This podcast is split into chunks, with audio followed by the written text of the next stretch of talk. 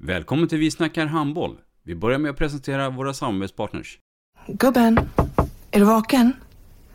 Jag, jag tror att det är idag vi får veta. Jag kom in! Mamma, jag kom in! Mamma, jag kom in! Jag kom in! Ah! Vi finns där du är när livet förändras. För alltid välkommen till Länsförsäkringar. Nej men, ska du ha t-shirt på dig? Du, det är ingen vanlig t-shirt. Det är en nya bollar till klubben t-shirt. Och så matchar den grillkryddorna vi ska använda. Hur då? Men det är ju alla ska med på klassresan grillkryddor. Stötta barn och unga. Shoppa på newbodyfamily.com. Länge leve föreningslivet!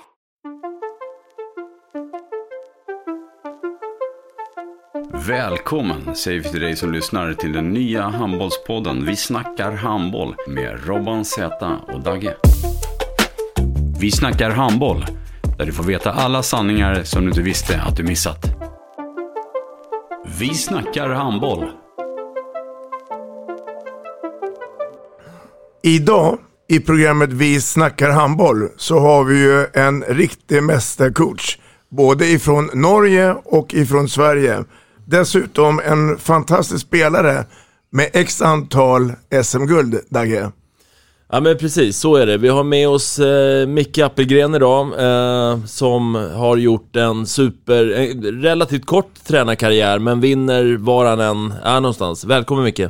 Tack så mycket. Mikael Gustav Apelgren, född 20 augusti, 20 augusti 1984 i Stockholm. Vem är du? Eh, ja, för, för tillfället så är jag väl en eh, familjefar med två, två barn och eh, handbollstränare eh, och som har levt mitt, mitt liv väldigt mycket i, eh, i och kring handbollen. Mm. Ska vi ta resan från början av karriären då? Stockholm, mamma, pappa, eh, hur blev det handboll och så vidare. Berätta. Eh, handboll blev det mycket för att min eh, morsa spelade eh, handboll och var faktiskt med och fick någon landskamp spela i spårvägen. Eh, Eh, så har jag alltid varit i idrotten. Farsan var ju eh, fotbollstränare också så att, eh, och, och spelade Spelade själv och var i och runt Hammarby och min, min farfar spelade faktiskt också i, i Hammarbys A-lag i fotboll så det var härligt att det blev Hammarby där till, till slut. Eh, född och uppvuxen i, i Hägersten, Mälarhöjden eh, och då var det Svitjod som var det närmsta den närmsta handbolls, handbollsklubben och eh, eh, sen så gick, gick resan vidare och på den tiden, eller det är väl lite så nu också, att det fanns massa samarbetsavtal till höger och vänster så att eh, man var i en hel del klubbar innan man till slut hamnade i den klubb eh, som man eh, väl har störst känslor för och det var Hammarby handboll till slut. Mm. Var, var det naturligt att det skulle bli handboll eftersom det också har en del eh, fotbollstraditioner i familjen? Nej det var det väl inte. Eh, men eh, jag tyckte att det var, det var roligare. Eh, jag tyckte att det var ett svårt val. Eh, jag var helt okej okay på fotboll också men eh, det är någonting med, och det tycker jag vi ska vara stolta över när alla håller på att diskutera till höger och vänster. Om jag minns tillbaka på vad som gjorde att jag valde det. Eh, var nog mycket det här med att man fick börja vara med på de här rikslägren och började känna sig lite utvald och sådär och då kände man att man, eh, så här, även om man var med på lite sånt med nära, nära stadslag och sånt i fotboll också så, så var det någonting med att när man, när man fick den uppskattningen från att eh, man började närma sig någonting i handbollen så, så valde man det eh, till slut. Så att, eh, Kan ja. du känna att valet hade lite att göra med att det eh, trots allt på den tiden och även nu såklart är och har varit lättare att slå sig fram som handbollsspelare än fotbollsspelare? Eh, jag tror inte jag tänkte så cyniskt eh, då, utan det var nog mycket vad jag tyckte var, var roligast och som jag tycker att idrott ska vara i den, i den åldern. Eh, jag, spelade, jag spelade fotboll i, i, i Mälarhöjden och bytte sen till ett lag som hette IK Tellus och eh, eh, det, det var ett, eh, ett annat klientel, det var mycket folk från från eh, förorten på den tiden och det var otroligt givande och lärorikt att vara i de som hade en helt annan eh, uppväxt än en villaunge från Mälarhöjden. Eh, men i grund så tror jag att jag trivdes bättre i handbollen och den, den miljön och den gemenskapen som vi hade. Så jag tror nog mycket att det var det som, som avgjorde. Mm. Och om eh, du berättar lite grann om skoltiden då. Var du en stjärna i skolan eller var det eh, skolka och spela handboll eller? Nej, jag var ganska okej i, i skolan faktiskt. Eh, sen kommer man inte långt i, i Mälarhöjden på, eh, på idrott. Det är inte det fräckaste där utan det är, och det är väl andra grejer. Eh, så att jag var nog lite annel, så udda fågel just att jag var så mycket in mot idrotten och det kanske gjorde att jag sen från där jag gick, eh, gick min grundskola valde att åka hela vägen ut till Farsta och gå handbollsgymnasium eh, vilket var eh, på helt andra änden utav eh, tunnelbanesystemet. Så att det var ju ett krig att ta sig ut dit men det säger väl lite om vad jag själv var i huvudet och vad jag var mest eh, intresserad av. Många av de kompisarna man hade då eh, är eh, eh, sitter i, med fina arbeten på Östermalm kanske och själv så satt man och åkte ut till Farsta och haft ett idrottsliv istället. Så att ehm, eh, så sätt var jag nog lite annorlunda än vad de andra var i den, eh, den skolan som jag gick. Mm. Minns du om du hade någon drömyrke under eh, tiden du gick i skolan? Eh, det var att bli proffs. Ja. Eh, sen ska jag ljuga om jag säger att jag drömde mest om att bli handbollsproffs. Det hade varit coolare att bli fotbollsproffs kanske. Eh, men sen eh, ju längre det led och eh, man valde handbollen så är det klart att det var en, var en dröm. Jag har alltid velat vara i och, och runt eh, idrotten på något sätt. Och som sagt man hade en farsa som var fotbollstränare i både superettan och allsvenskan så, så blir man ju lite skadad när man sitter runt middagsbordet och får höra om eh, knäppa spelare och eh, bra spelare och saker som har hänt och förluster och vinster. Så, så eh, är det inte så eh, konstigt att man har blivit miljöskadad kanske. Eh, var pappa en bra fotbollstränare? Det vet ju inte jag, jag var ju aldrig där men det var han, det var han säkert. Vi, jag tror vi har väldigt olika ledarstil och så så att jag tror att det är få saker att jämföra på det sättet. Men, men det är klart att hans liv har eh, format mig mycket i vart jag har eh, tagit vägen. Du hade, Den- rätt där Dagge. Ja, jag vill minnas han tränade spårvägen va? Gjorde han inte det? Jo. Ja, precis. Bland annat. Ja. Eh, Jag är inne lite grann där runt eh, skola och, och sådär. Så jag, jag skulle gärna vilja höra liksom din, dina tankar och värderingar runt det här med handbollsgymnasium. Uh, nu är du A-lagstränare i Sävehof uh, och i princip alla de här unga har ju gått på Katrinelund eller eh, ert eget gymnasium där ute. Är det bra med, med, uh, med handbollsgymnasium helt enkelt? Jag tror att det är helt individuellt. Jag tror att det finns väldigt mycket bra saker med det. Eh, om jag tänker tillbaka på mig själv så var det väldigt bra för mig när man, när man kommer från en klubb som, eh, som eh, Svitjod så var det, och det var nog där faktiskt nu när jag tänker tillbaka när vi sitter och pratar om det som det blev definitivt att så här, men nu blir det handbollen när jag valde gymnasiet för då, då fick man liksom steppa upp ett hack. Eh, så att jag tror att för vissa så behövs det verkligen och för vissa kanske det inte riktigt behövs. Eh, eh, så att jag är lite, lite kluven. Eh, däremot så tycker jag att eh, det kanske är lite för många som ibland liksom väljer det, eller just den här att man måste gå på de här fräckaste gymnasierna bara för att det är en statusgrej. Där tror jag att vi tappar många väldigt duktiga spelare eh, för att det blir sånt jävla nålsöga eh, och vara bäst i klassen eller vad man säger. Mm. Eh, och det tror jag inte alltid är sunt. Utan jag tror att eh, det är viktigt att man får fortsätta hålla på och känna att man är duktig och känna att man eh, höjer upp sin träningsdos, vilket jag tycker egentligen i gymnasiet är det, eh, det, som, man, det som är det bästa med handbollsgymnasiet. Eh, men eh, men eh, ja, nej, det- det här med att, att flytta eh, och, och byta stad ska man nog tänka efter två gånger för jag tyckte det var tufft att flytta mm, hemifrån när jag var 24 eh, när man flyttade ut och blev proffs. Då kan jag bara tänka mig hur det är att till exempel flytta hit till Göteborg och, och vara 16 bast, det kan inte vara så lätt. Du eh, Micke, om vi tittar på spelarkarriären här då, så har vi ju kommit fram till att Svitt är i moderklubben. Men du har även på meritlistan Djurgården, men framförallt Hammarby. Berätta lite grann för oss de där åren. Ja, eh, nej men Svitja det eh, var ju eh, en tid när man bara spelade för att det var kul och det var där man, där man eh, bodde. Eh, och så som alltid så minns jag tillbaka på och jämför nu när man sitter på andra ställen i handbollsvärlden. Eh, hur tufft vi hade med träningstider och så. Eh, och att man liksom det var väl två träningar i veckan och varav den ena var på ena planhalvan. Eh, det är klart att det tuffare förutsättningar och då så bytte jag sen i eh, samma veva som handbollsgymnasiet i junioråldern så bytte jag till BK Söder.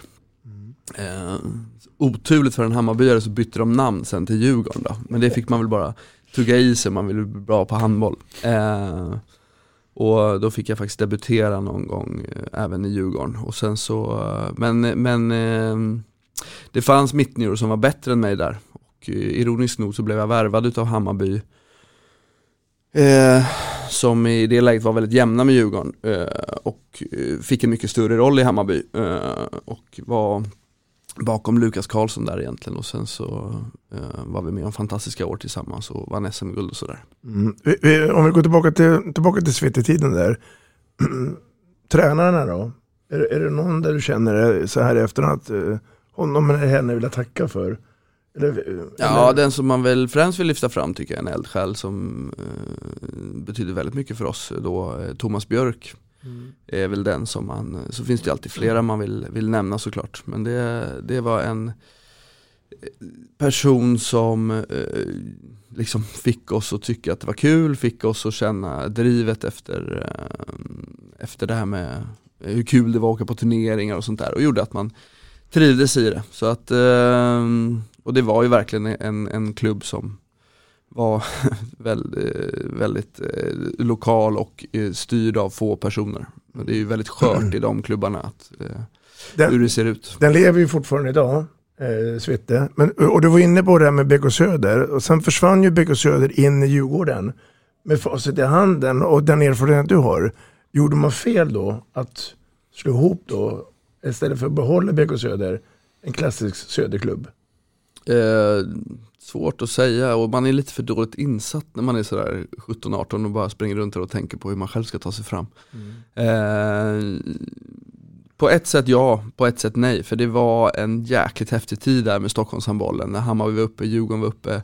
Eh, vi spelade inför eh, 8-10 tusen i- på både Hovet och Globen. Eh, så den grejen för handbollen som sport var cool. Eh, så Spelade att- du den matchen? Den här på Hovet? Klassiska? på, på Hovet så var jag, då var jag i Djurgården och inte Ja. uttagen. Eh, året Okej. efter så var jag med när vi spelade i Globen. Mm. Eh, så att, eh, nej, det var det var otroligt eh, häftigt och något man kunde liksom önska och drömma tillbaka till. Eh, så att, eh, och det skapades ju av att man tänkte kommersiellt. Eh, så att, eh, jag passar nästan på den frågan vad som är rätt eller fel. Men Mm. det, det var verkligen plus och minus. Sen har du ju en, en, en egen framgångssaga 2003-2008 med Hammarby. Ja, Ja, det var ju kul. ja. Nej, det blev en jättehäftig häftig grej. Eh, och eh, hade man liksom svårt att tänka på innan. Eh, jag kommer ihåg hur jag satt, eh, satt i Djurgården på den tiden. Ja, men då, det är väldigt rörigt för de som inte är stockholmare. Men alltså jag bytte till BK Söder. Djurgården hade samarbetsavtal med Tyresö. Tänkte ju Så säga jag- det, satt och funderade på, på det. Visst spelade du med Tyresö, något JSM va? Ja, jag spelade junior-SM Ja. och eh, vi spelade division 2 i, i Ja, Tyresö. Precis. Eh, Det stämmer. Så att eh, det var där egentligen det tog fart eh, ordentligt. Eh, så det är jag ju väldigt tacksam för. Med en, eh, med en gammal äldre herre som Leif Widfors som tränare. Som jag fortfarande har med mig lite grejer faktiskt när man är ledare nu. Vad man eh, fick med sig av honom. Har han betytt mycket för dig? Ja, jag tyckte att han hade, det är ju verkligen den gamla skolan, men eh, han eh, Just det här med det som jag tycker många ibland missar idag, det här med att eh, vad fan går det ut på? Det går ut på att vinna. Eh, och just den mentaliteten som, som vissa eh, utav de bättre spelarna har. Att eh, Det här med att älska tävlingen, att du kan se i ögonen på vissa spelare att eh, de gillar det. Och det, de, han hade ett jäkla öga för vilka som hade det Mm. inte hade det. Och då spelar det ingen roll om du kunde hoppa 8 meter upp i luften och skjuta hårt eller inte. Eh, så det tar jag verkligen med mig eh, idag. Ehm, så att den tiden är jag väldigt, väldigt tacksam för. Men apropå frågan så, ehm, så spelade jag i Tyresö då på den tiden och jag kommer ihåg att jag liksom hade svårt att ta plats i, i, ehm, i, i Djurgården och det var en bit in och de satt och la upp en liksom treårsplan för att eh, då eh, om tre år så kommer du ta plats och vara en utav två i Djurgårdens A-lag. Och då gick jag redan direkt till Hammarby och Magnus Nollan Gran värvade en och eh, ja, bara så sent som eh, liksom det tredje året så var vi med och vann SM-guld med mm. Hammarby då jag skulle ha fått chansen att spela i Djurgården. så att, eh, det är en sån revanschgrej man hade i bakhuvudet. Mm. Och under de där åren i Hammarby misstänker jag att du får ju också lite blodad tand att ta ett steg till. För att det är så att eh, du hamnar ju i Spanien. Ja. Ja. Eh, eh, lyckotur eller var det ett medvetet planering eller hur, hur gick tankarna här? Nej det var väl att en sån pass chans dök upp. Alltså, jag var ju en spelare som eh, inte var så tydlig i vad jag hade mina skills eller vad man säger. Så att eh, det, för mig gällde det lite att ta de chanserna och möjligheterna man fick. Eh, det var liksom inte en tydlig skytt eller en tydlig eh, jätteduktig mot den eller sådär. Så, jag, eh, så det, när den chansen dök upp med Graniers så var det väldigt mycket i det den drömmen man hade om att få liksom dra till något eh, lite mer exotiskt också. Eh, och på den tiden var ju spanska ligan eh, fantastisk. Då var den minst lika bra som Bundesliga så det var skitcoolt att få komma dit. Hur, hur bra var um, Granollers tabellmässigt? Vi kom, eh, vi kom sexa, eh, så vi nådde Europacupen. Eh, och då var vi bakom de här stora lagen som man Ciudad Real, Barcelona, Ademar Leon på den tiden. Det var, det var andra grejer och rätt mycket, mycket pengar. Men sen så gick det rätt fort redan år två, tre där så började den ekonomiska krisen komma där nere och då förändrades, eh, förändrades marknaden jättemycket. Mm. Dagge, när, när du sitter och lyssnar på uh, Micke här, uh, vad har du för bild av hans karriär som spelare? Nej men jag minns ju allt det här som vi har gått igenom så här långt med Svitte och året i Tyresö. Jag har för mig att jag hade något 84-85 gäng eh, från Skånela som åkte ut där i steg 4 tror jag, eh, i Nybodahallen. Eh, tror IFK Ystad var i den gruppen också. Eh, och jag minns åren i Hammarby, eh, med Staffan kommer hem och det är Lukas Karlsson och Tobbe och du och Bedda. Eh, Johan Henriksson som jag hade haft i Skånela och sådär. Och jag minns ju Micke som en, precis som han säger själv, kanske svårt att katalogisera i vilket fack du skulle ingå, men du gjorde en jävla massa mål. Du gjorde alltid mål. Eh, en riktig sån här gammeldags måltjuv skulle jag säga eh, att du var. Men jag minns också lite att, att Staffan eh, höll ju dig väldigt mycket på bänken. Eh, du fick ju sitta som fjärde, femte, nia och så kom du in och så gjorde du en jävla massa mål liksom. Det är mina minnesbilder som spelare där i, i, i Hammarby.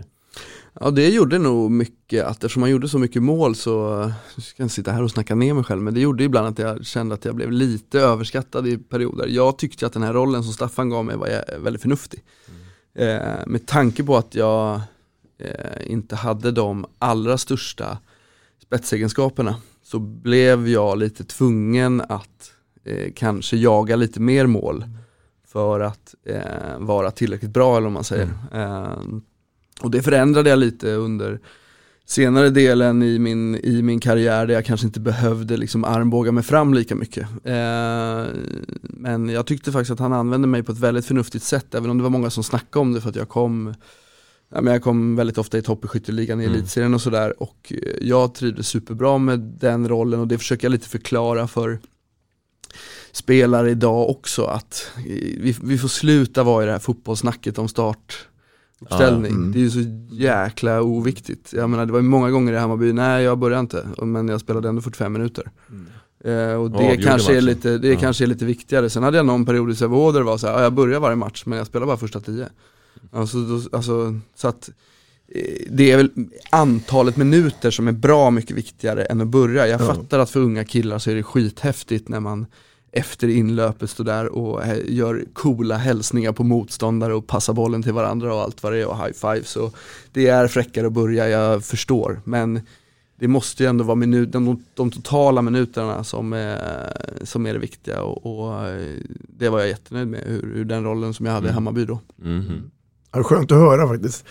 Jag, jag, jag backar lite grann och, och tittar nationellt, och nu får ni vara med båda två här. Årgången 84 pojkar, var det en bra årgång i Sverige?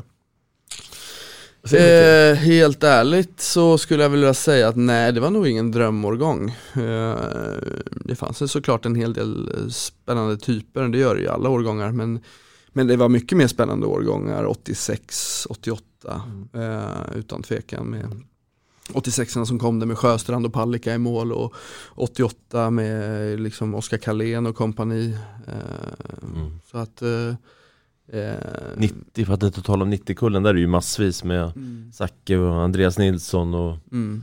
Så 84 det var fler utav oss som var inne lite i, i A-landslaget men det var liksom inte Snabbt ut också Ja men vi var inte, det, det var ingen som lyckades konkurrera sig in mm. och bli tongivande och det var absolut ingen utav oss som var den som de, man snackade om som här har vi svensk handbolls stora framtid. För de årskullen innan oss var, gick ju och vann VM med, med Larholm och Kim Andersson och kompani mm. som, var, som var en väldigt snack. Jag tror snackis. att det gick relativt dåligt också. Jag för mig att det var Per Carlén som hade det landslaget va? Eh, juniorlandslaget. Yes. Eh, mm. Eh, och i alla fall sista mästerskapet vet jag att i u där att det blev en ganska blygsam eh, placering i 84-85.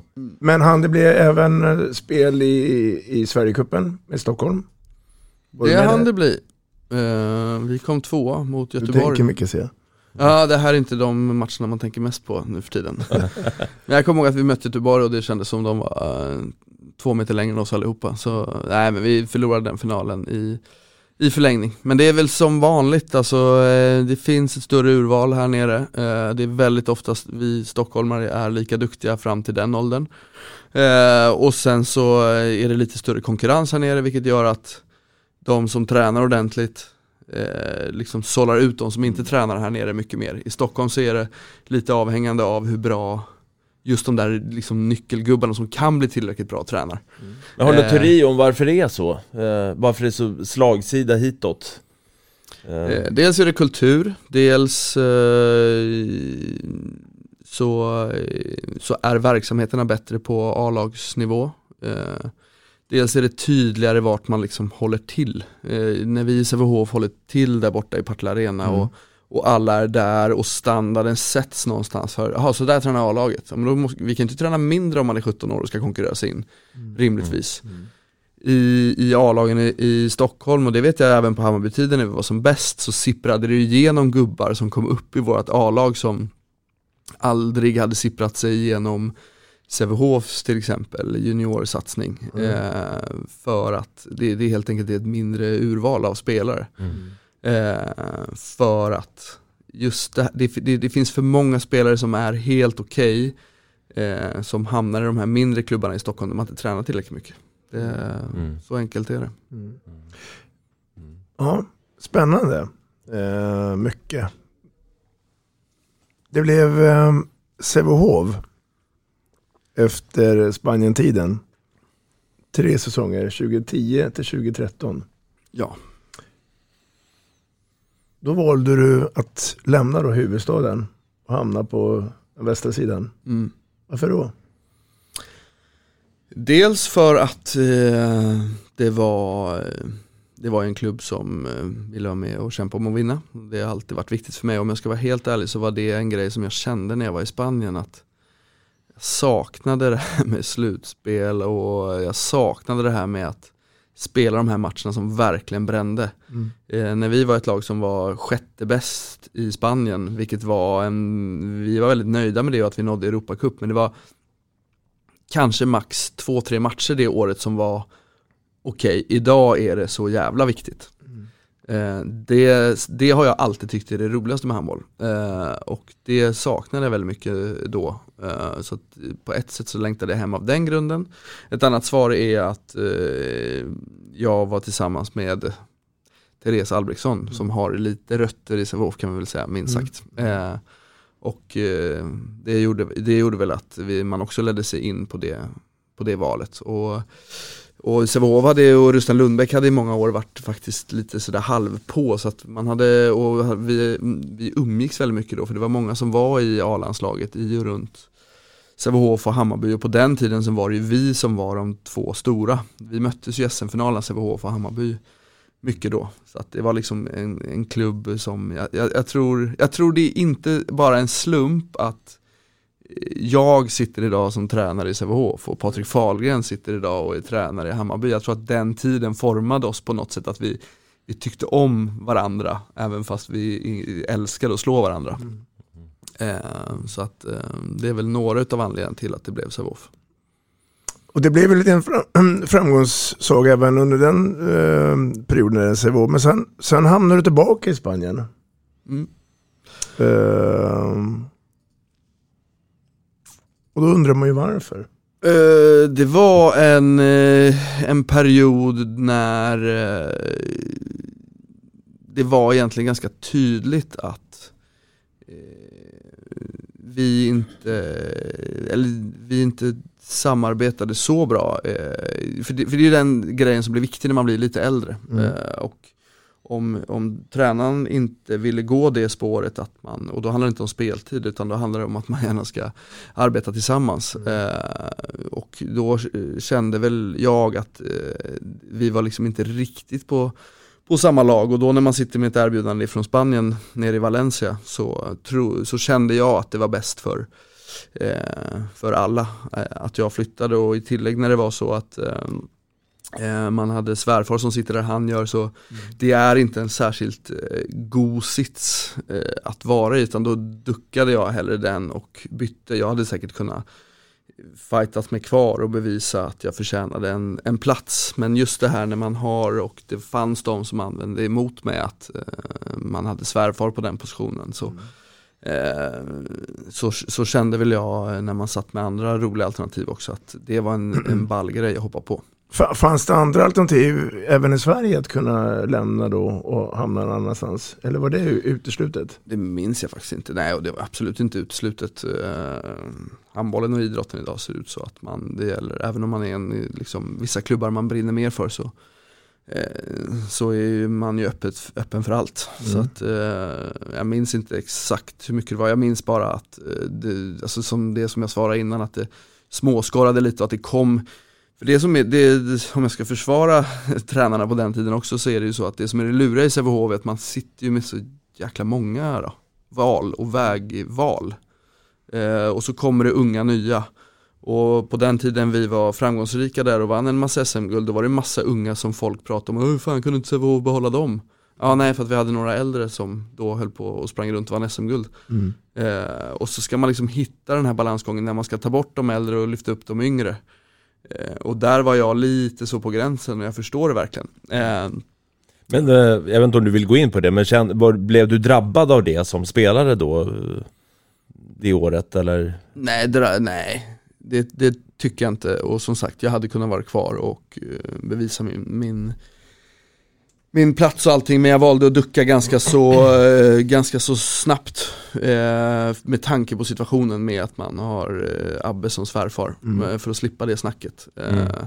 Det tror jag fort att jag kanske kommer tänka, med risk för att jag får äta upp de här orden, men skulle det liksom bli samma grej nu när jag är tränare i Sävehof eh, så kanske det är bättre att ducka då också om det skulle bli, liksom börja bli massivt med kritik mot att folk tycker att man är en idiot så mm. vill man, alltså det är många som tänker att det är en fördel att ha en jävsituation med eh, the big boss eh, som, som svärfar. Eh, det är ju absolut näst, alltså väldigt mycket nackdel också. Mm. Eh, just för att man inte riktigt, man vill ju inte eh, hamna i den sitsen att, att folk ska tänka de tankarna att ja men det är bara för att mm. eh, han får fördelar för att.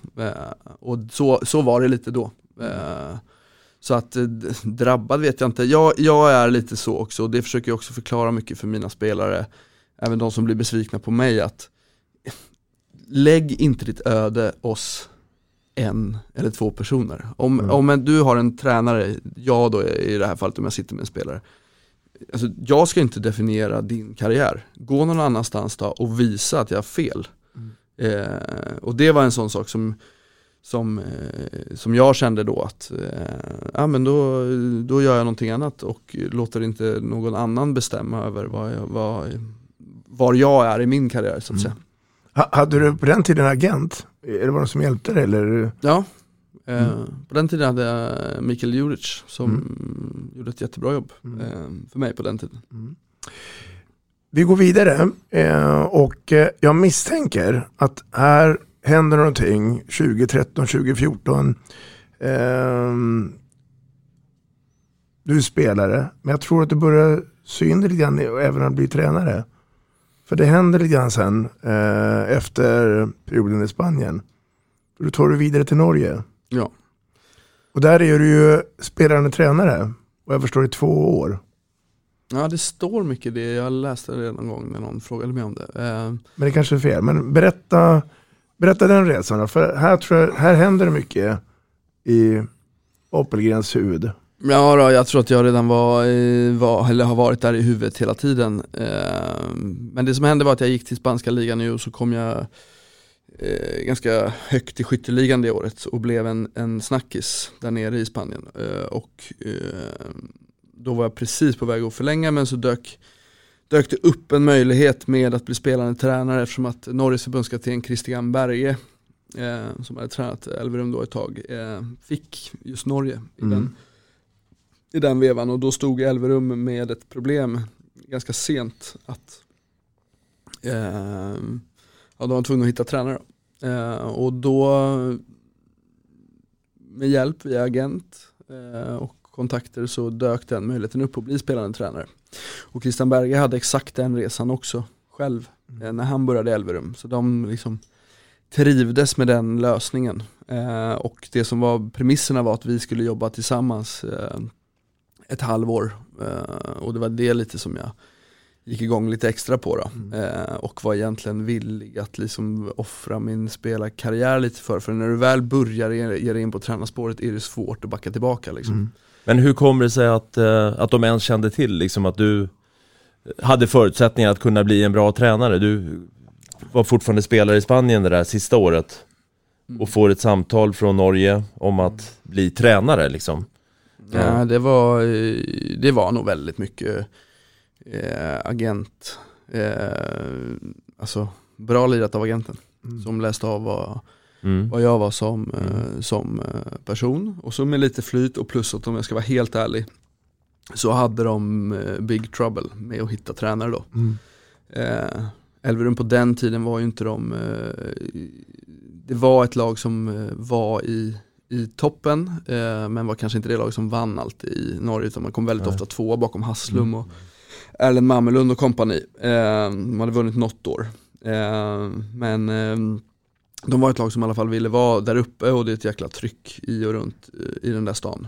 Eh, så att eh, eh, det var väl egentligen så det gick till och jag själv har alltid varit väldigt, väldigt intresserad och blev ännu mer intresserad av det man var med om som spelare. Om Man vann tre SM-guld med Hammarby och två SM-guld med Sävehof så blev man ju väldigt intresserad av vad är det som gör att man vinner eller inte vinner. Eh, vilket gjorde att man eh, har fått upp intresset för det här med att vara, vara tränare också och, eh, och kanske inte vara den här typiska ledaren i mångas ögon eh, i den förstånd att man var lagkapten eller, eller så. Utan det går ju att vara ledare på olika sätt. Eh, det är inte alla som är den där som gymmar hårdast, springer, springer mest och eh, står mest och rättar in sig i ledet och smörar för tränaren. Utan en, en del i ledarskap är ju eh, att vi lirar det sociala tillsammans eller vad man säger. Eh, och det är jag stolt över om jag tänker tillbaka på min spelarkarriär, att jag många gånger var med och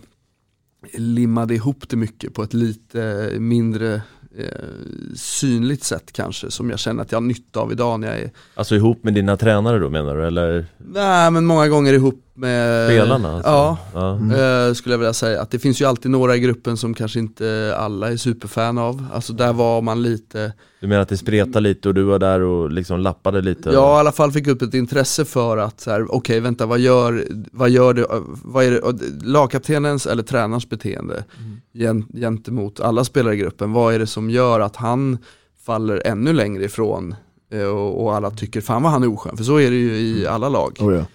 Eh, till exempel, det var ett pyttelitet exempel då som jag liksom har eh, Där har man ofta varit och lirat lite emellan eller vad man säger. Eh, och sen såklart också intresserad mig för eh, med den resan som man fick med, med med duktiga tränare som man hade och som man hade tagit lärdom av. Elverum som klubb då? Mm. Hur, eh, hur är den? Hur var den?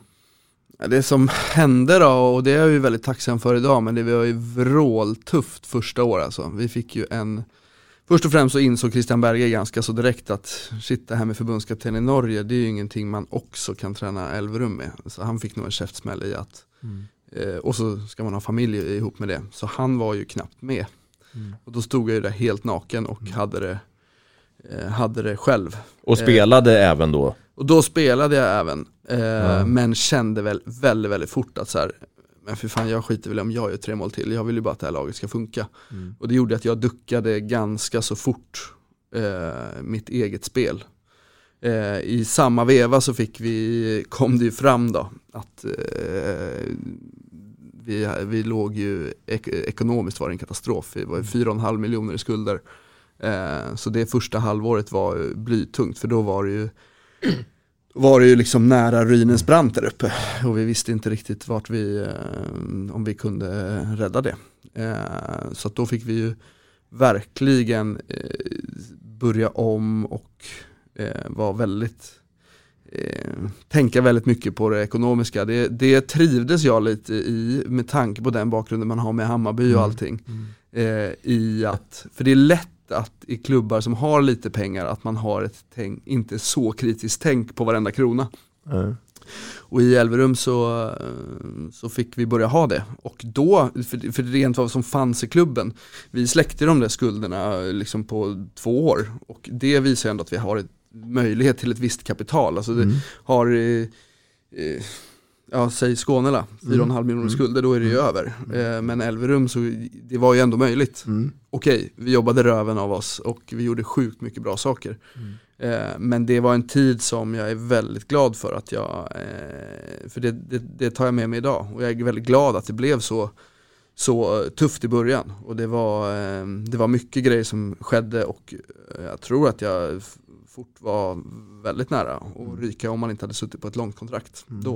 Eh, Men, men fanns det någon gång dina tankar, nej men jag vill inte vara med på den här resan igen med fyra miljoner back och, och säga tack och hej? Eller kände du att ja, ja, ja, jag ska vara med på den här resan, vi, vi ska vända det här? Eh, det fanns tankar med allting. Ja. Eh, Så att det, det, jag skulle ljuga om jag inte säger det. Att det fanns, fanns tankar om, vi, man var ju osäker på om kommer vi liksom, eh, alltså, flytta upp hela, hela familjen upp till eh, skogen i Norge med 20 000 invånare. Det var inte eh, klackarna i taket där hemma alla gånger. Nej. Så att, och då om det liksom blev den smällen också. Och, så men sen så började det vända och så lyckligt nog så, och det var nog helt avgörande, så vi kom fyra eller femma i serien men så gick vi och vann slutspelet.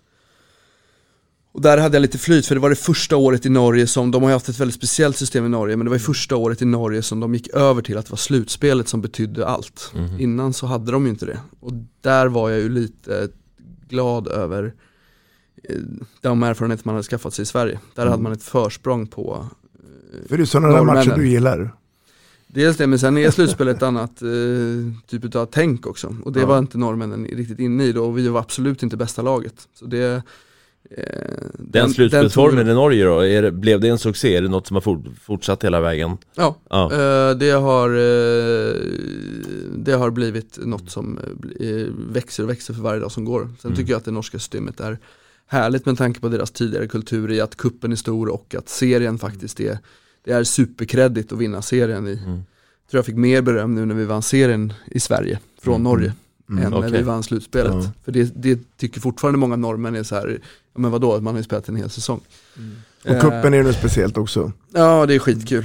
Ja, det är skitkul att vi kommer igång med en kupp här i Sverige också. Så att, eh, nej men så där, hade, där vände det. Eh, och sen så året efter så eh, var vi tvungna att liksom börja om lite och ta hem en massa gamla sådana Elverums eh, spelare eh, och Elverums profiler. Eh, vi hade liksom inte råd att riktigt värva så som kanske Elverum hade gjort förut. Eh, och då den augusti-september så eh, var kval, lyckades kvala in i Champions League. Och det var ju första gången ett norskt lag lyckades kvala in i Champions League på tio år. Så då, då smällde det till och blev en boost och att vi blev en, eh, en, en snackis i, i handbolls-Europa egentligen. Mm. Vi åkte och vann första omgången mot kadetten Schaffhausen kommer jag ihåg och då var vi liksom då var vi absolut inne i, i, i värmen igen och det började hända grejer.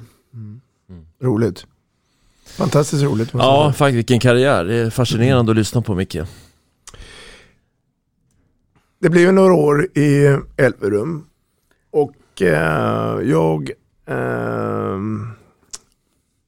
Fanns det några uppdrag gentemot handbollförbundet då? Jag tänker norska och svenska att bli någon form av förbundskapten för de yngre landslagen?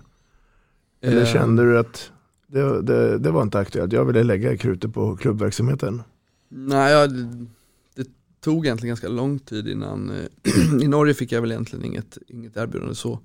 I Sverige så ringde de här för något år sedan eh, och frågade om jag ville jobba med 05-landslaget. På den tiden så, så hade vi börjat verkligen komma upp i värmen och var i i de bästa grupperna i mm. Champions League och vi spelade två, tre matcher i veckan och så eh, familj eh, som eh, till tidigare pendlade lite mellan Elverum och, och, och Göteborg. Mm. Eh, och då kändes det som att när det väl var ledigt på somrarna så var det inte riktigt läge att sätta sig i, i jag vet inte om det är så fortfarande i Katri, Katrineholm och, och, sätta sig in i så här, hur går det nu i, för vill man ta jobb så vill man göra det jäkligt bra och då mm. börja sätta sig in i så här vilka är nu egentligen bäst i pojkar 05 årskullen. Mm. Eh, det var faktiskt det inte, var inte möjligt att mm. eh, få ihop om, man inte ska, om det inte ska krascha någonstans. Du får, du får väl göra som Sir Alex Alexson i United, du får ju vara eh, head of eh, the team och så får du massa drängar omkring dig. Ja eller hur, ja, ja nej, då, då finns det nog bättre jag än tror, mig som kan det. Så att, uh... Jag tror att den frågan kommer komma en vacker dag. Det är i alla fall min starka magkänsla. Vill du det på sikt att jobba som förbundskapten oavsett land och, och... Ja, utan, utan tvekan. Det vore en, en, en dröm. Och min ambition med med att vara ledare och tränare och bli så duktig som möjligt och vara med om så häftiga grejer som möjligt. Och det innefattar ju även, även eh, alltså landslagsverksamhet, så utan tvekan. Den här killen från Mälarhöjden. Ja, ja. Jag tänker lite så här, det blev ju, om nu Robban är klar med Elverum-åren här, så blev det ju klart ganska tidigt att du skulle ta över Sävehof. Eh, vilket gjorde att du, ungefär på samma sätt som att Jesper Östlund ska ta över era damer säsongen efter den här. Eh, och det blir en lång förberedelsesträcka. Eh, innebar det att du liksom hade halva benet ditt sista år i Norge i den svenska ligan för att kunna förbereda dig för vad som komma skulle liksom? Lite grann var man väl där och, och eh, ja, det handlar ju om att skaffa kunskap om det man ska jobba med. Så jag såg ju alla Sävehofs matcher, eh, mm. även om det var tajt att bara få ihop det. För då var vi i A och B, eller A och B-gruppen i, i Champions League med mm. Elverum och uh, mötte PSG och Barca och gängen. Uh, och uh, det var tajt att, att, få ihop och hinna se matcherna. Men, men det är klart att det var viktigt att um, få, få, få, kunskap om det. Sen så det jobbet som gjordes då var inte jag så inblandad i, för det var tillräckligt tufft att vara med och driva Elverum som Eh, det året skedde det extra mycket, då började det liksom explodera. Elverum har ju varit extremt duktiga på, och de som jobbade runt mig var svinduktiga på att driva klubb och det var någon dokusåpa vi hade och det var, så det var mycket liksom grejer som skedde och vi spelade i Håkonshall där i Lillehammer för 12 mm. 000 pers och, eh, så att eh, man följde matcherna men det var inte så mycket mer, mer än det. Mm. Är det en bra modell det där att göra klart tidigt liksom att Eh, jag menar både ur ditt perspektiv som tränare och även eh, föreningarna runt omkring liksom. E egentligen så tycker jag väl kanske inte att det är optimalt om jag ska vara eh, ärlig. Sen så handlar det ju om att Eh, på den tiden när jag skrev på då så var det lite röriga eh, förutsättningar och jag tror Sävehof kände att eh, de var väldigt intresserade av att få mig med mm. tanke på de meriter man hade haft och då, då var det ganska rörigt i, i Sävehof också. Mm. Vi får inte glömma bort att eh, innan slutspelssuccén det året så var det ju ganska så rörigt rent var Sävehof hamnade någonstans med eh, ett minst sagt vasst lag. Eh, mm. Man låg 7-8 någonstans. Mm. Eh, och då var det klart att eh, det behövdes funderas lite i alla led vad vill man göra? Och jag var ganska tydlig med att för- Elverum är någonting extra för mig personligen. Jag tänker inte lämna dem i sticket eh, tidigare än ett kontrakt bara för att eh, familjen vill eller vilken ursäkt det än må vara så, så drar inte jag från Elverum tidigare med tanke på allt det vi har gjort tillsammans där uppe och det vi har varit med och skapat och att vi idag är en Faktiskt vill jag säga Elverum, en, vi säger jag fortfarande, men eh, en, en stor klubb i Europa som liksom kan värva Abaloo.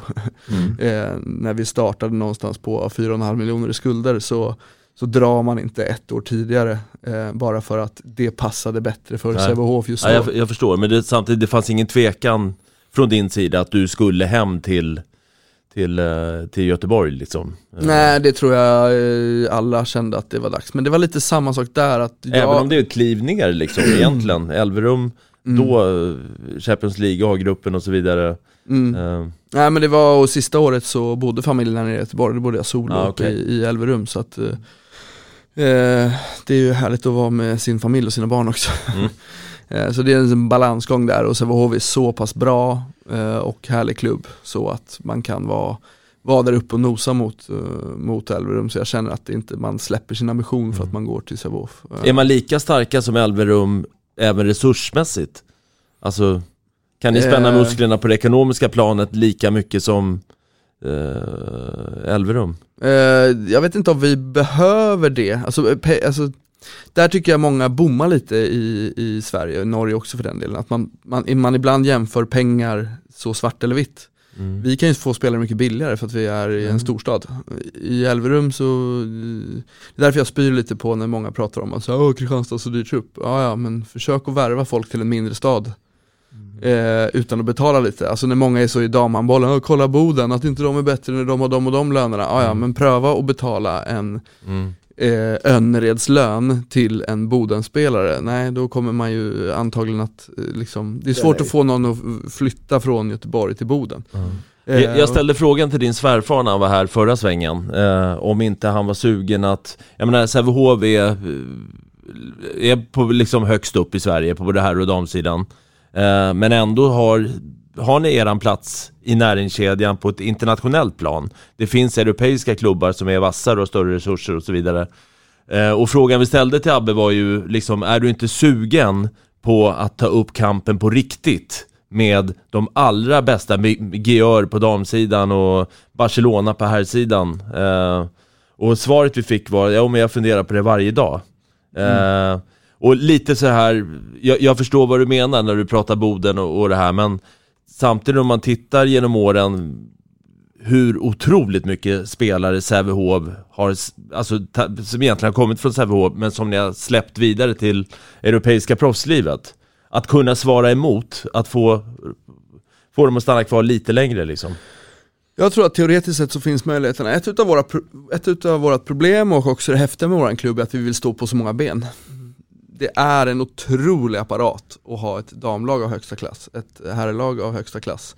Jag tror att vi skulle kunna få damlaget att bli ett Final Four-lag om vi steppade undan ett par hack. Jag tror att herrlaget skulle kunna bli vassare om damlaget steppade ner ett par hack. Mm. Så det är, i i nästa säsong så går vi in, jag tror vi, vad var det vi hade när vi snackade om det här om veckan, det var någon så här 55 hemmamatcher ska vi arrangera. Det är otroligt svårt om vi skiter i ekonomin att bara få ihop det och skapa en hype.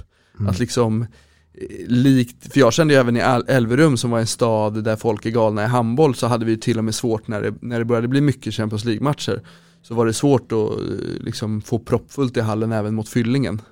Eh, eller något utav de mittenlagen i, i Norge.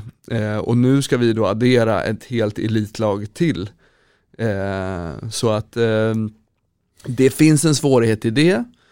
Och sen så ska man också ställa sig frågan, är det värt det med tanke på hur vi driver idrottsklubbar i Sverige eh, där det är svårt att ha egna ägare som pungar in en, en massa pengar. Kan vi, än som vi skulle teoretiskt sett bestämma så här, okej nu damerna, vi siktar på Final Four, nu jävlar. Eh, skulle vi klara det med tanke på hur, att vi inte har rika ägare som lägger jävligt mycket pengar. Eh, och då är det frågan, är det värt det eller vill vi fortsätta att vara det våran klubb är och det vi är stolta över? Och då är, blir väl svaret där vi är idag, vilket Mm. är, är faktiskt fantastiskt bra också. Mm. vi får inte glömma det, det kommer en dag, dagen efter också. Jag tänker, det skulle kunna också bli en, en ekonomisk krasch. eh, om man nu satsar och sen så blir det inte riktigt som man har tänkt sig. Mm. Men jag, jag bara spekulerar nu. Så att jag, Ja, men sen har vi lite för mycket vettigt folk i våran klubb för att jag tror att det ska hända på, Ja. på det sättet. Och sen så också så kommer det så mycket bra spelare så att skulle vi vilja eh, bestämma oss för att äh, men nu tar vi det ekonomiskt lugnare ett tag så skulle vi ha ett elitserielag eh, som är rätt så vast I. Sävehof ändå. Problemet för oss är ju att ribban, i alla fall på herrsidan, damsidan har jag mindre personligen lite mindre koll på exakt var liksom ribban skulle ligga men Kristianstad har varit med och förändrat ribban lite på Mm. herrsidan. Eh, att det kanske är svårt att bara vinna SM-guld med egna talanger. Eh, när de har gjort så att den svenska handbollen har steppat upp ett hack så behöver vi också ta in lite utifrån för att det ska bli tillräckligt bra. Eh, Är det något som du förespråkar? Eh, för mig är det viktigast att vi är en klubb som har ambitioner om att vinna. Mm. Eh, och att det ska liksom driva, eh, drivas. För att i Sävehof som sagt, vi vill stå på så många ben så att själva föreningen i sig är det liksom inte det absolut viktigaste att vi vinner något år eller inte. Men att våran lilla avdelning som jag jobbar i ska Mm. tycka att det är allt. Och att det är superviktigt. Eh, det är viktigt för mig för att jag personligen ska trivas eftersom att jag är supertaggad på att bli så likt spelarna, att bli så duktig som möjligt. Eh, och då, eh, i- då tycker inte jag det är en stimulerande miljö om man pratar likt Sävehof har gjort eh, kanske tidigare år och sagt så här, vi tar ett mellanår. Jag är inte sugen på ett mellanår. Eh, det kanske blir ett mellanår för att vi inte får till det, att vi inte Mm. gör det bättre, fine. Men jag vill inte gå in i en säsong och känna, ja ja skitsamma om vi kommer sexa för att vi ska bara utveckla unga. Vi ska utveckla unga för att vinna, punkt. Mm. ja, det, Mm. logiskt, logiskt. Beträffande u- unga spelare så finns det ju ingen förening som producerar fler eh, spelare än vad Sävehof gör.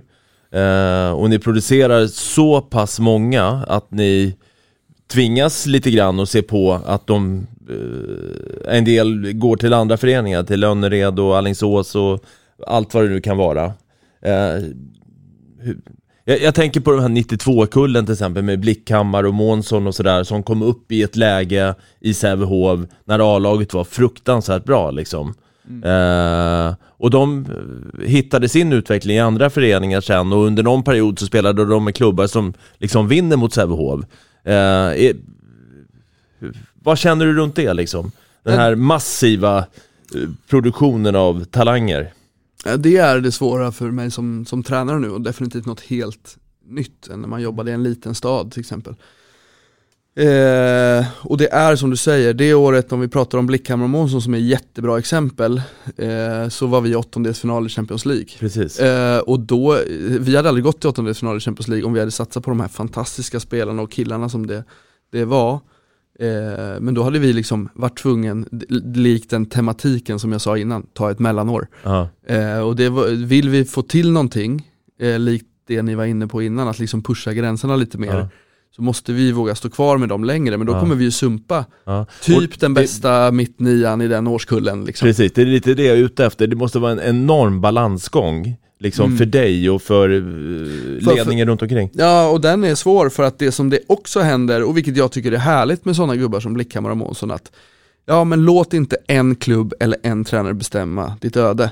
Eh, se då till att du går någonstans och så sitter vi här och pratar om de killarna Mm. som exempel som hur fan kunde inte Sävehof be- behålla dem? Mm. Då är det ju killar med rätt virke. Mm. Men går man, det finns alldeles för många som har lämnat Sävehof eller för den delen Elverum eller några andra som har varit så, ja den tränaren var dum i huvudet. Ja men det finns tränare som inte är dumma i huvudet då. Ja. Låt inte den paja allting liksom. Eh, så att, och, men den revanschgrejen som också blir, känner vi mycket på. Alltså när vi möter Önnered, alltså de har ju blod i ögonen när de möter oss. Eh, och det är supersvårt att slå dem för det, det står ju liksom sju gubbar på andra sidan och är så jävla sura på att de inte fick vara kvar i Sävehof typ. Ja.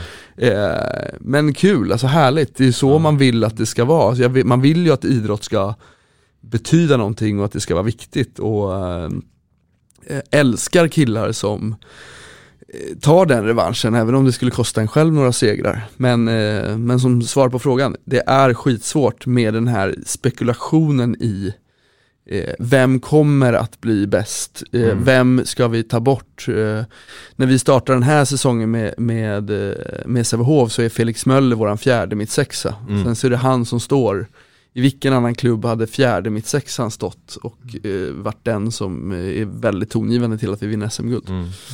Mm. Ja, det var egentligen dit jag ville komma nu. För att eh, SM-guld 2021, och man vet ju det när man gifter sig, jag har inte gjort det, eh, men jag har hört, så är det ju smekmånad första året och sen så andra året och tredje året börjar man känna varandra.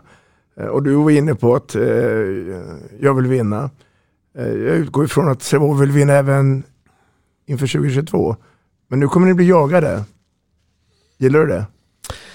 Eh, ja, det gör jag väl för att som sagt för mig är inte det viktigaste att, jo jag vill vinna, men för mig är det viktigaste att vi siktar på att vinna. Eh, och sen kanske man inte gör det. Det är, det är en del utav, eh, en del utav spelet. I Sävehof är vi, är vi alltid jagade.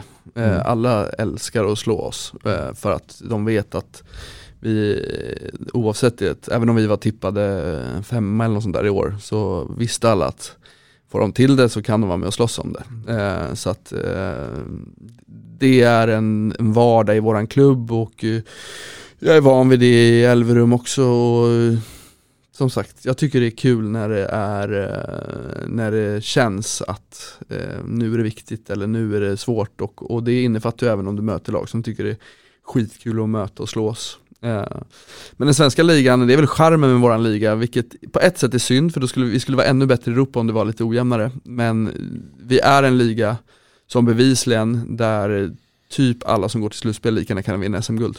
Eh, Och det är ju väldigt charmigt i det att, och kul för oss som jobbar med det som ledare, att det, det är liksom hantverket tillsammans som blir avgörande. Vi kan hålla på och diskutera på upptaktsträffar om värvningar hit och dit. Det som faktiskt avgör det är vårt arbete ihop. Alltså nu, nu sitter alla vi tränare här när vi sätter igång här eh, med ett gäng spelare som är tillräckligt bra för att vinna med. Eh, och det gör sju, åtta lag. Eh, det som kommer att avgöra är de där små grejerna i hur mycket vi trivs tillsammans, hur mycket vi är villiga att göra för varandra och hur mycket vi brinner för och hur kul vi tycker att det är. Eh, så det är ju något charmigt med våran liga ändå. Vilka tror du kommer leda jakten kommande vinter och åren framöver? Eh, Kristianstad, eh, Skövde, Malmö. Eh, men som sagt, jag, jag kan rabbla upp eh, de eh, fem, sex bästa och eh, med en väldigt stor trovärdighet i att det lika gärna kan bli vem som helst utav oss. Eh, så vet jag inte eh, om man, om det, det, det känns inte som det är någon jakt, det känns inte som vi nu blev det ju faktiskt ganska överlägset när vi faktiskt vann med 9-0 i slutspelet. Men känslan var aldrig att vi var så, ehm, eh, liksom, när vi gick in i säsongen och var tippade femma, så känslan var inte att vi var så överlägsna, så det känns inte som en sån, som när Kristianstad vann för några år sedan, det var så här, shit vad bäst de är. Det här känns kanske inte vi. Eh, Så får vi väl se. Och, och du och dina grabbar ska upp till borgen på Ringvägen, Eriksdalshallen. Mm. Vad tror du om Hammarbys äventyr?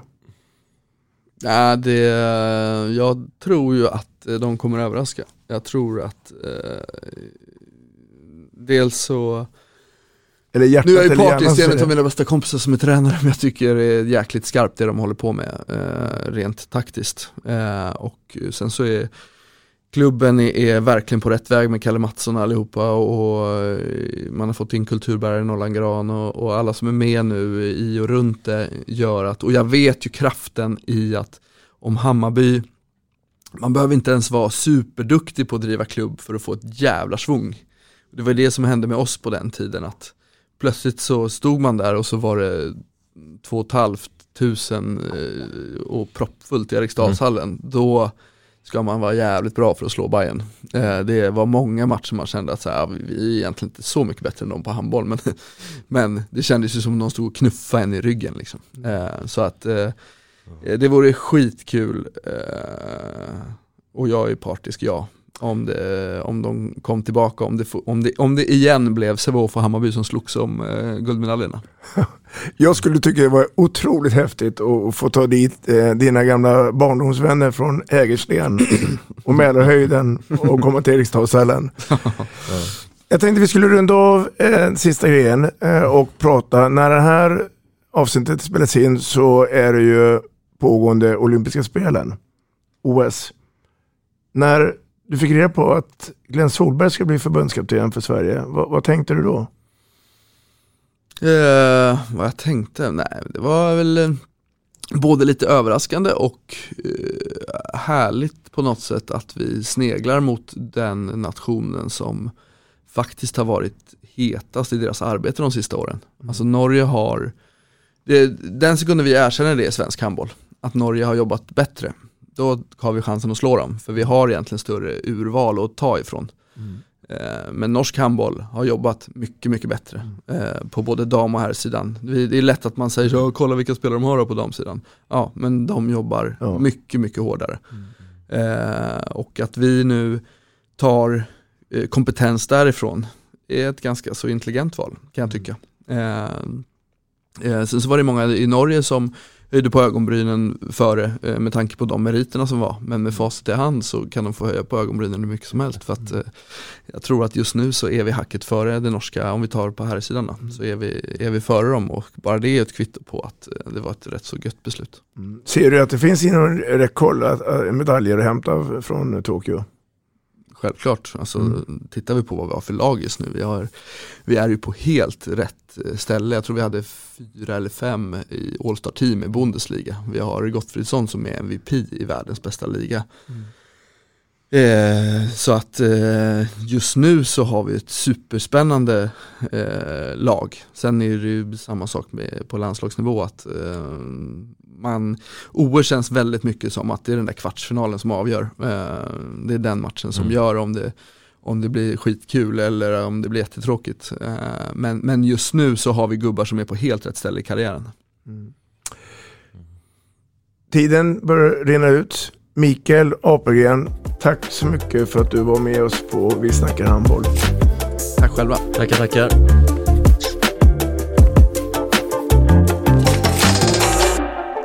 Vi snackar handboll, där du får veta alla sanningar som du inte visste att du missat.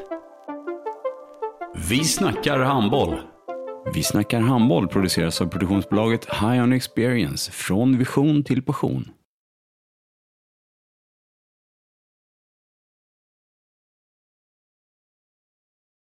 Ett avslutande tack till våra samarbetspartners. Hallå! Kommer ni eller? Ja, ja. Har du sett mina ankelsockar? De här? Nej, nej, jag menar skridskoslip till juniorlaget Ankelsockarna. Ja, men kolla bredvid träningsläger med handbollstjejerna-t-shirtarna. Stötta barn och unga. Shoppa på newbodyfamily.com. Länge leve föreningslivet! Gubben, är du vaken? Jag, jag tror att det är idag vi får veta. Jag kom in! Mamma, jag kom in! Mamma, jag kom in! Jag kom in! Ah! Vi finns där du är när livet förändras. För alltid välkommen till Länsförsäkringar.